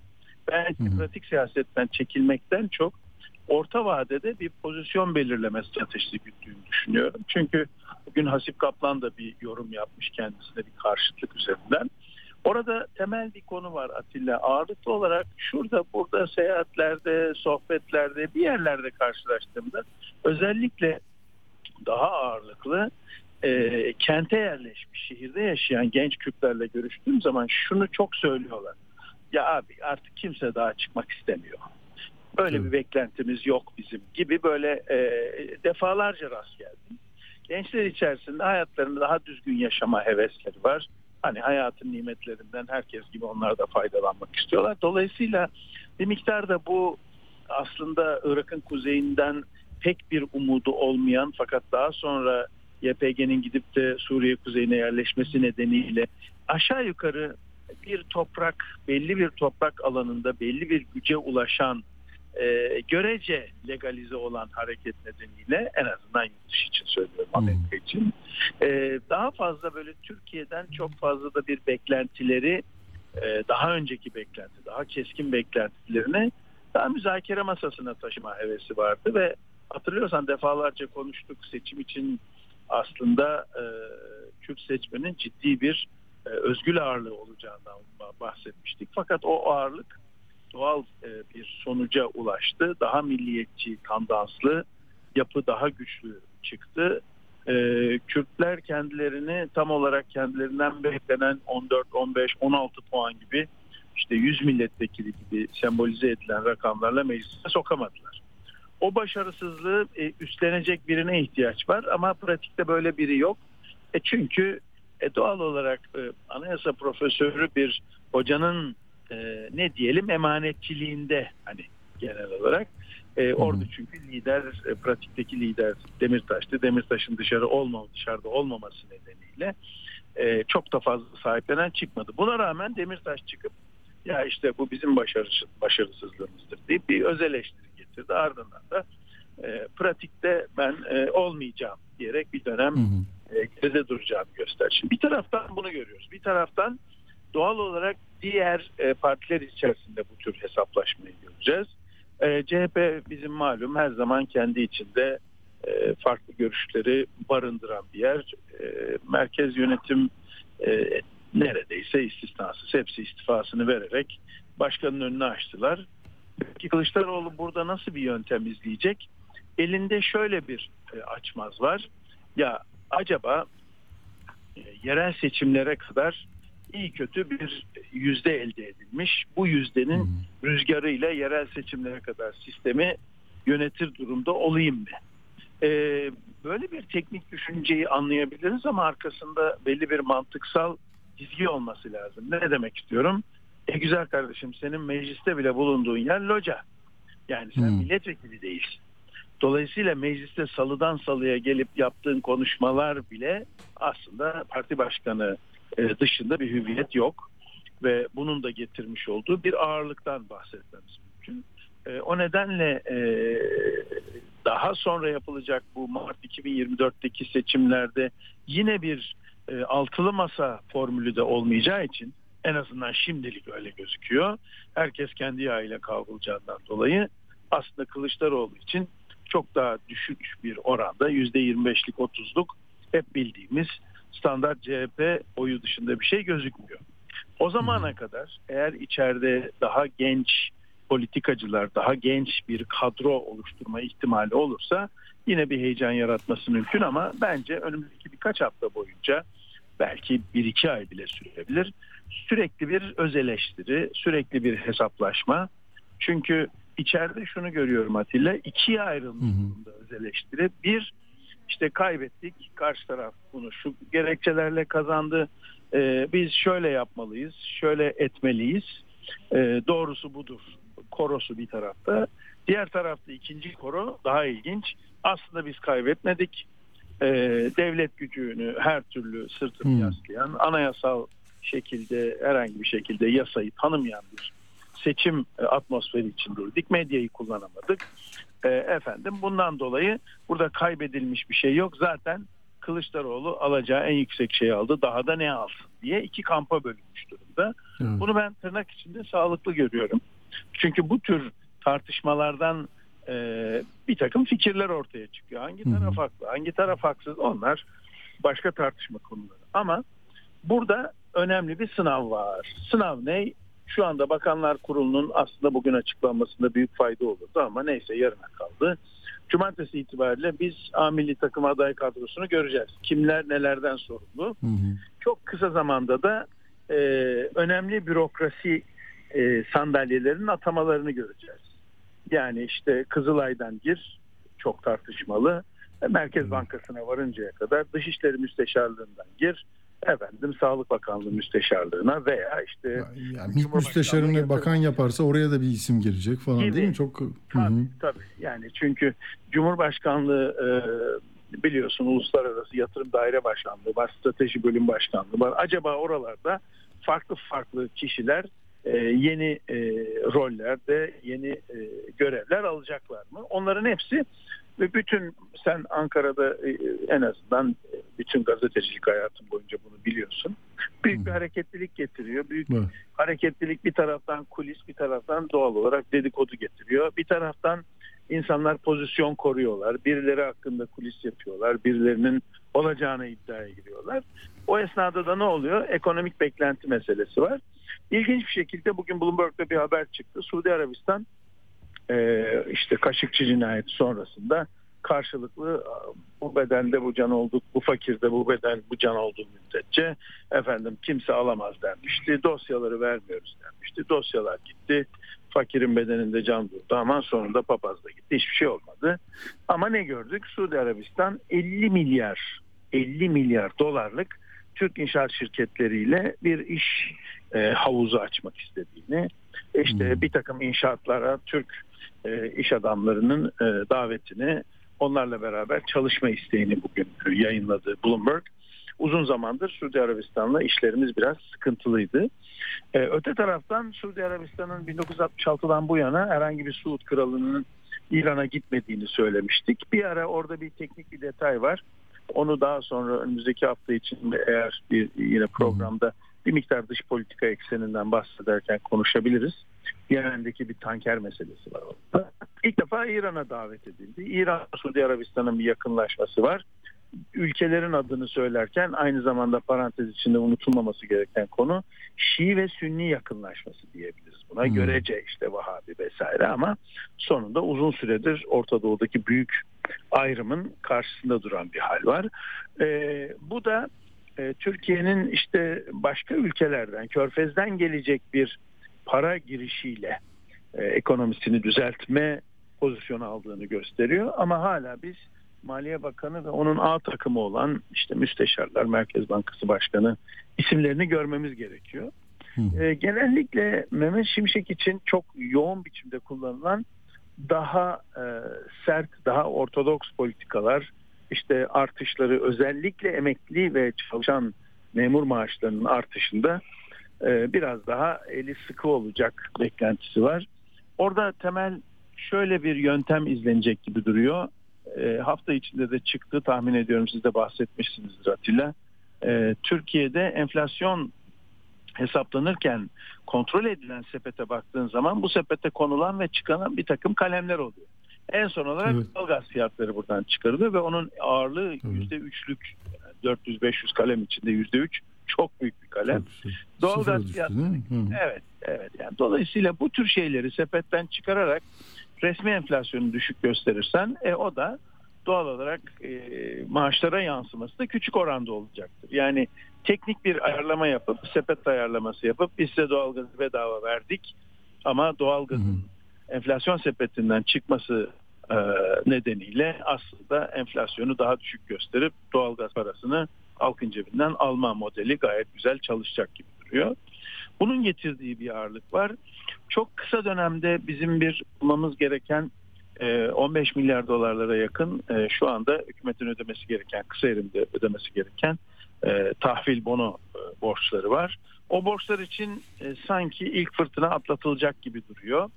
Eğer o borçlar e, kolayca atlatılabilirse çünkü bugün çıkan haberlerde e, tekrar döviz rezervinin yükseldiği dışarıdan gelen bir körfez parası olduğundan bahsediliyor.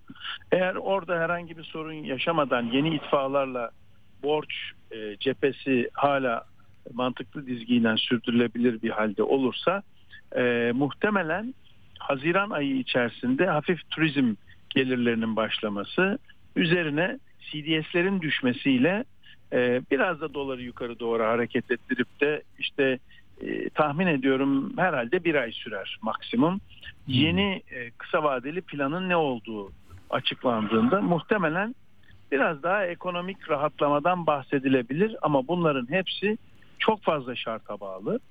E, bu bunun dışında Devlet Bahçeli'nin söylemiş olduğu yani yeni bir Türkiye konusunda e, bir soru işareti yarattı o. Ha, çok şey olacak dedi değil mi? Hani çok evet, şey yani olacak o dedi. inşallah Türkiye eski Türkiye yeni Türkiye gibi bir yani orada Hmm. konuştuğu şeyin virgülün konulduğu yer inşallah mı başında mı inşallah virgül inşallah sonra mı orası soru işareti ama çoğunlukla bakıldığı zaman şunu rahatlıkla görebiliyoruz içinde bulunduğumuz ortam bize ilginç bir şey söylüyor Ee, Hmm. büyük e, hareketler büyük e, kararların alınacağı e, organizasyonların sorumluların yeni bürokratların ciddi şekilde değişeceği ve bu bürokrasinin içerisinde MHP'nin ağırlığının e, acaba bir yerden bir yere doğru bir kayma görecek miyiz? Sonuç itibariyle çok fazla atamanın olduğu, çok fazla bürokrasinin değiştiği bir gündem var. İş dünyasını çok iyi biliyorsun. İş dünyası Ankara'ya her gittiğinde kimle muhatap olacağına çok bakar. E iyi kötü Hmm. geçtiğimiz yıllarda tanıdığı insanlar tarafından yürüttüğü bir bürokrasi vardı. Şimdi bütün bu bürokratların değişmesi çok ciddi bir e, tabii ki e, yeniden defalarca sürecek Ankara seyahatleri yaratıyor. Demek ki e, iş dünyası çok sık bir Ankara'da tekrar yeni network oluşturmak için uğraşacak.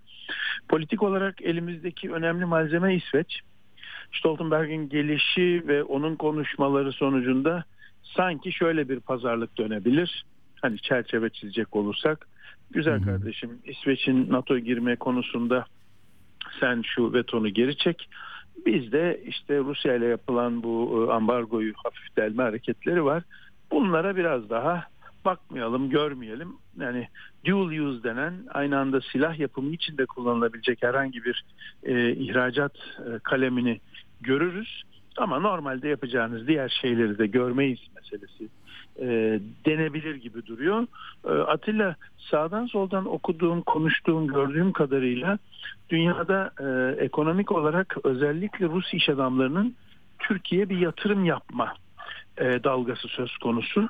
Bunu e, arkasından takip etmek lazım. O dalga birçok şeyi değiştirebilir. Çünkü malum başka ülkelere giderek herhangi bir şey yapamıyorlar. Bir asetten bahsetmek mümkün değil. Satın alması vesairesi Avrupa'yı biliyorsun. Ambargo nedeniyle bu pek mümkün değil. E, Dubai gibi ülkelerde alınacak satılacak şeylerin de boyu posu kilosu belli. O nedenle Türkiye bir en azından bir takım otellerin, bir takım ufak tefek iş yerlerinin e, tekrar Türkiye'ye yatırıma dönerek bir miktarda oradan gelecek bir yatırım kalemi gözüküyor. Yani işler eğer düzgün kadro açıklanır, bu kadronun performansı itibariyle e, insanlar bütün e, piyasalara baktığında ve uluslararası piyasalarında desteğiyle sanki e, yazı daha rahat geçirebilir ama önümüzdeki dönemin en temel meselesi yerel seçimler olduğu için tekrar bir yüksek oranda memur ve işte zamlar yapılır, asgari ücretler artırılır. Bunun karşılığında enflasyonu tetikleyici bir şey yapılırsa yine bütçesel sorunlar yaşanmaya başlanacak. Dolayısıyla oldukça soru işareti olan e, kararların sonuçlarını bazılarını çok kısa vadede görebileceğimiz bazılarına zaman tanıyacağımız bir döneme giriyoruz. O yüzden sıkı ders çalışıp biraz önümüzdeki dönemlerde grafikli e, bir takım sunumlar yapmayı düşünüyorum. Eğer ekrandan izleyebilecek durumda insanlar da olurlarsa. Yeni kullandığın yöntemin ne kadar izlendiğini bilmediğim için e, o konuda bir bilgi Onu da var uy- şey yaparız, duyururuz. Orada da şey yaparız, bir, bir insanları sevk ederiz. Çünkü iki ayrı platformda var. Evet, Ee, evet. e, evet. 19'undan itibaren geldiğimizde öyle daha Aynen. e, doyurucu şeyler, Bir- bir grafikler şey yapabiliriz. O yüzden size güzel bir e, ara tatil dönemi diliyorum. Çok çalıştınız. Çok özellikle seçim öncesinin yükü çok Ya. büyüktü. Biraz size e, iyi bir tatil, biraz dinleyicilere iyi bir aralık diyelim. E, güzel. tekrar görüşmek üzere. Herkese Çok teşekkür- selamlar, saygılar. Harikasın yolcu. Çok teşekkür ederiz. Görüşmek Ben üzere teşekkür 19'unda inşallah. Sağ olasın. İnşallah. Evet böylece e, noktalayalım. E, bir gençlerle ilgili araştırma var da bunu şunun için söyleyeceğim. Yani Konrad Adenauer Vakfı yapmış Almanya merkezli 16 ilimizde 18-25 yaş aralığındaki 2140 gençle görüşmüş Türkiye Gençlik Araştırması. Yani her yönüyle ilginç çünkü biz seçimden yeni çıktık. E diyorduk ya 5,5 milyon 6 milyon ilk kez oy kullanacak insanlar var. Bu grubun içindeler onların e, yani onların tasvir ettiği, onların nasıl bir Türkiye'de yaşıyoruz ve beni ne kadar etkiliyor bu ülkenin durumu e, dediklerinde ortaya çıkan grafikler hep negatif. Yani her bir alarm rengi olursa kırmızıdır ya. Kırmızıyı gösteriyor. Şöyle diyor ki yüzde 17.3'ü mutlu. %63'ü imkan olsa başka ülkede yaşamak isterim diyor. Niye diyorlar gitmek istiyorsun başka ülkeye? %47.8'i yaşam koşullarını yükseltmek istiyorum. İkincisi de %20.7 o ülkelerde daha çok özgürlük var. Görüyor musunuz? Yani yani hem koşullarım yeteri kadar beni tatmin etmiyor hem de özgür değilim. İkisi yan yana gelince zaten iyice tuhaflaşıyoruz. Ee, şöyle mevcut sorunlar ekonomik koşullar, hukuk, adalet, işsizlik, adam kayırma, yolsuzluk, rüşvet diyor. Yakın gelecekte Türkiye'yi bekleyen sorunlar var diyenler yüzde 98.3. Şimdi hal böyle olunca ya bu seçimde bu çocuklar neredeydi? Bunlar oy verdiler mi? Nasıl oldu? Hani muhalefet cephesinde herkes diyor ki oyumuzu çok yükseltemedik. Tamam şeyde Adalet ve Kalkınma Partisi de 7 puan düşürdü ama yani Erdoğan başka bir şey tabii o partiden bağımsız ayrı bir kategoride olduğunu ben de kabul ediyorum ama sonunda ikinci turda da olsa Cumhurbaşkanı oldu. Bunları söyleyen arkadaşlar da mesela %86.3'ü göçmen politikalarını doğru bulmuyor. Gençlerde böyle bir şey vardı. Ama ben göndermeyeceğim. Ensar anlayışı kardeşim onlar gönderiyor sizi diyen Cumhurbaşkanı oldu. Nasıl bir şeyse bu. Yani Türkiye'nin bugünkü yönetiminden memnun değilim diyen de %69.6'ymış. Takip ediyorlar, gündemi de takip ediyorlar, her şeye hakimler Ee, ve kimi beğeniyorsunuz diyorlar. Arkadaşlar bu da beni her zaman hani bir meraka sevk ediyor. Gençler politikacı olarak en çok Mansur Yavaş'ı beğenip takdir ediyor. Yüzde 42. Ama altındakiler kimler onu e, almamışız. Bilmiyorum ama yani Mansur Yavaş hangi hal ve tavırlarıyla, hangi ideolojik bir sahikle orada oluyor. Yani az konuştuğu için mi, işini yaptığı için mi, böyle biraz babacan hali olduğu için mi bilmiyorum. Ama e, böyle bir Mansur Yavaş e, yani Bozkurt işareti yaptığı için mi, e, MHP'den geldiği için merkeze doğru e, bilmiyorum. Hakikaten enteresan geliyor. Onu da size söylemek istedim. Şimdi e, bugün değil ama yarın 2 Haziran e, bugün, yarın 3 Haziran'da da e, Nazım'ın e, ölüm yıl dönümü, 60. ölüm yıl dönümü. Yani 61 yaşında, bak benim yaşımda gidivermiş. Yani böyle hayatlar da var.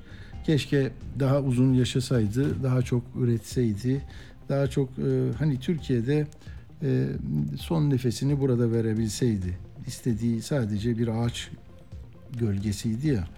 Olmadı. 60 yıl önce bugün kaybetmişiz. Yarın yani 3 Haziran diyelim. E, 6.30'da gazetesini almak üzere çıkıyor dairesinden. E, tam gazetesine uzanırken kalp krizi geçiriyor ve vefat ediyor. E, ben Moskova'ya gittiğimde e, Novodeviçi mezarlığında görmüştüm. Bir yerde Yeltsin var, bir yerde işte Eva var. Rüzgara karşı yürüyen adam figürü vardı. Enteresan böyle çok bakımlı bir e, şeydi, mezarlıktı. Şimdi tabii onca yıl sonra değil mi 50 yıla yakın geçti vatandaşlıktan çıkarılan bir e, cezalandırılan insandı o ve tekrar 2009'da vatandaşlığa kabul edildi. Selanik'le Moskova hani başlangıç ve bitiş noktaları hayatının ama Türkiye burası bu kadar düşünürseniz bu kadar sevdalı ve aşıksanız memleketinize bedel ödetirler size. 12 yılı hapisinde, hapiste geçti hayatının. Yani 61 yaşının 61 yılının 12 yılı hapiste. Ee, neyse yani çok uzun Kurtuluş Savaşı'nda e, İnebolu'da oradaki en güzel destanlarından birisini yazdık Milli Kurtuluş'un. E, aşklarıyla, hayatıyla, sevdasıyla, memlekete özlemiyle geldi geçti Nazım. Şimdi onun hem memleketim şiirinden hem de ceviz ağacı e, şiirinden e, içinde geçen küçücük çocuklar kesmişler e, sesinden öyle bitirelim. E, onu e, anıyoruz, saygıyla e, anıyoruz. Çok özel ve dünya çapında bilinen 20. yüzyılın en önemli isimlerinden Nazım Hikmet. Sonra siyasetin sağı da solu da kenarı da köşesi de Nazım'dan bir dize okuyarak kendini öyle bir meşruiyete tahvil etti ama öyle olmuyor. Yani o anayasa maddelerindeki yazan şeyler ne kadar eğreti duruyor bazen. İşte Nazım'ı bir cümlesini almak da yetmiyor. Onun temsil ettiği anlayış, özlem, hayal, tahayyül başka bir şeydi. Onu da bilen biliyor zaten.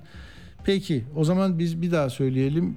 Ayıp ediyor muyuz? Etmiyoruz canım. Yani profesyonel bir iş yapıyoruz. Burası 19 Haziran'da pazartesi inşallah burada daha e, iyi bir sesle bu yorgunluğu atmış bir ekip olarak Uğur Koçbaş, ben e, ve Arda Arda Acar mıydı soyadı? O da röportaj yapmadığı için Acar Öz tamam Acar Özmüş. Yaptığı röportajlar şeye kaldı. eksik olduğu için. 19'unda acayip röportajlarla gelecek. Onu da şimdiden söyleyebilirim.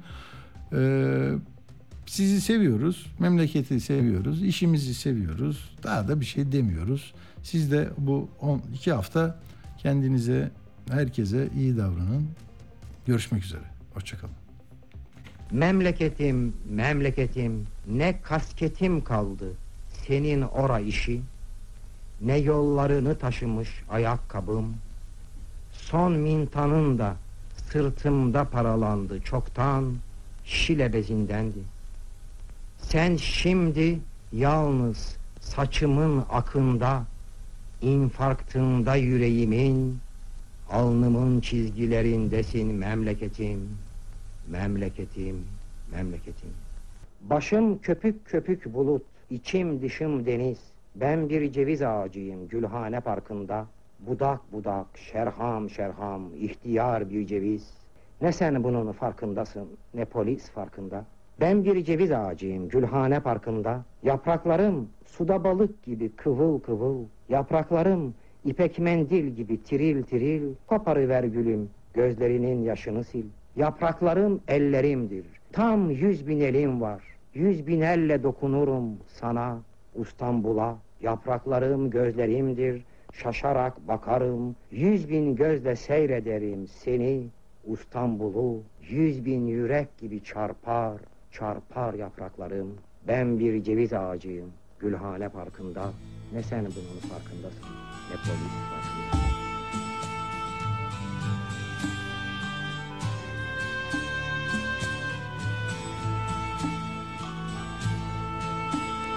Kurtardım ceylanı avcunun elinden Ama daha baygın yatar ayılamadı Kopardım portakalı dalından Ama kabuğu soyulamadı Oldum yıldızlarla haşir neşir Ama sayısı bir tamam sayılamadı. Çektim kuyudan suyu Ama bardaklara konulamadı.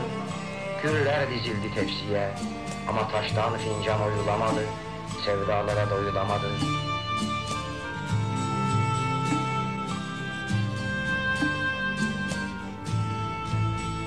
Gönlümle baş başa düşünürdüm Demin artık bir sihirsiz nefes gibisin.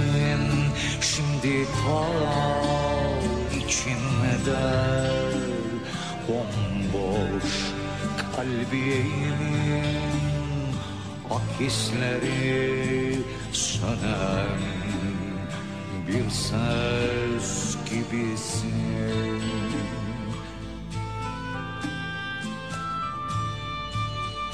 Maziye karışıp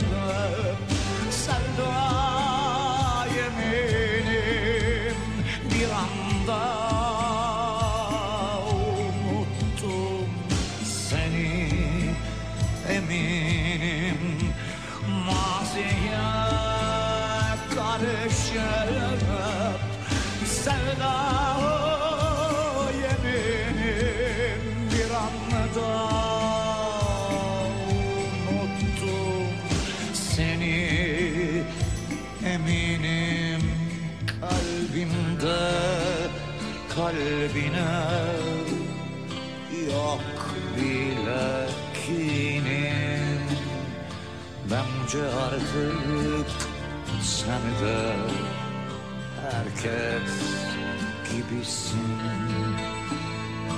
Bence artık sen de herkes gibisin. Yüz yıl oldu yüzünü görmeyelim, belini sarmayalım, gözünün içinde durmayalım, aklının aydınlığına sorular sormayalım, dokunmayalım sıcaklığına karnının. Yüz yıldır bekler beni şehirde bir kadın. Aynı daldaydık, aynı daldaydık, aynı daldan düşüp ayrıldık. Aramızda yüz yıllık zaman, yol yüz yıllık. Yüz yıldır araca karanlıkta, koşuyorum ardından.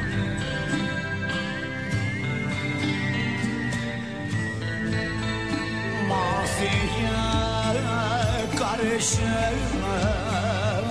sevda yeminim bir anda unuttum seni.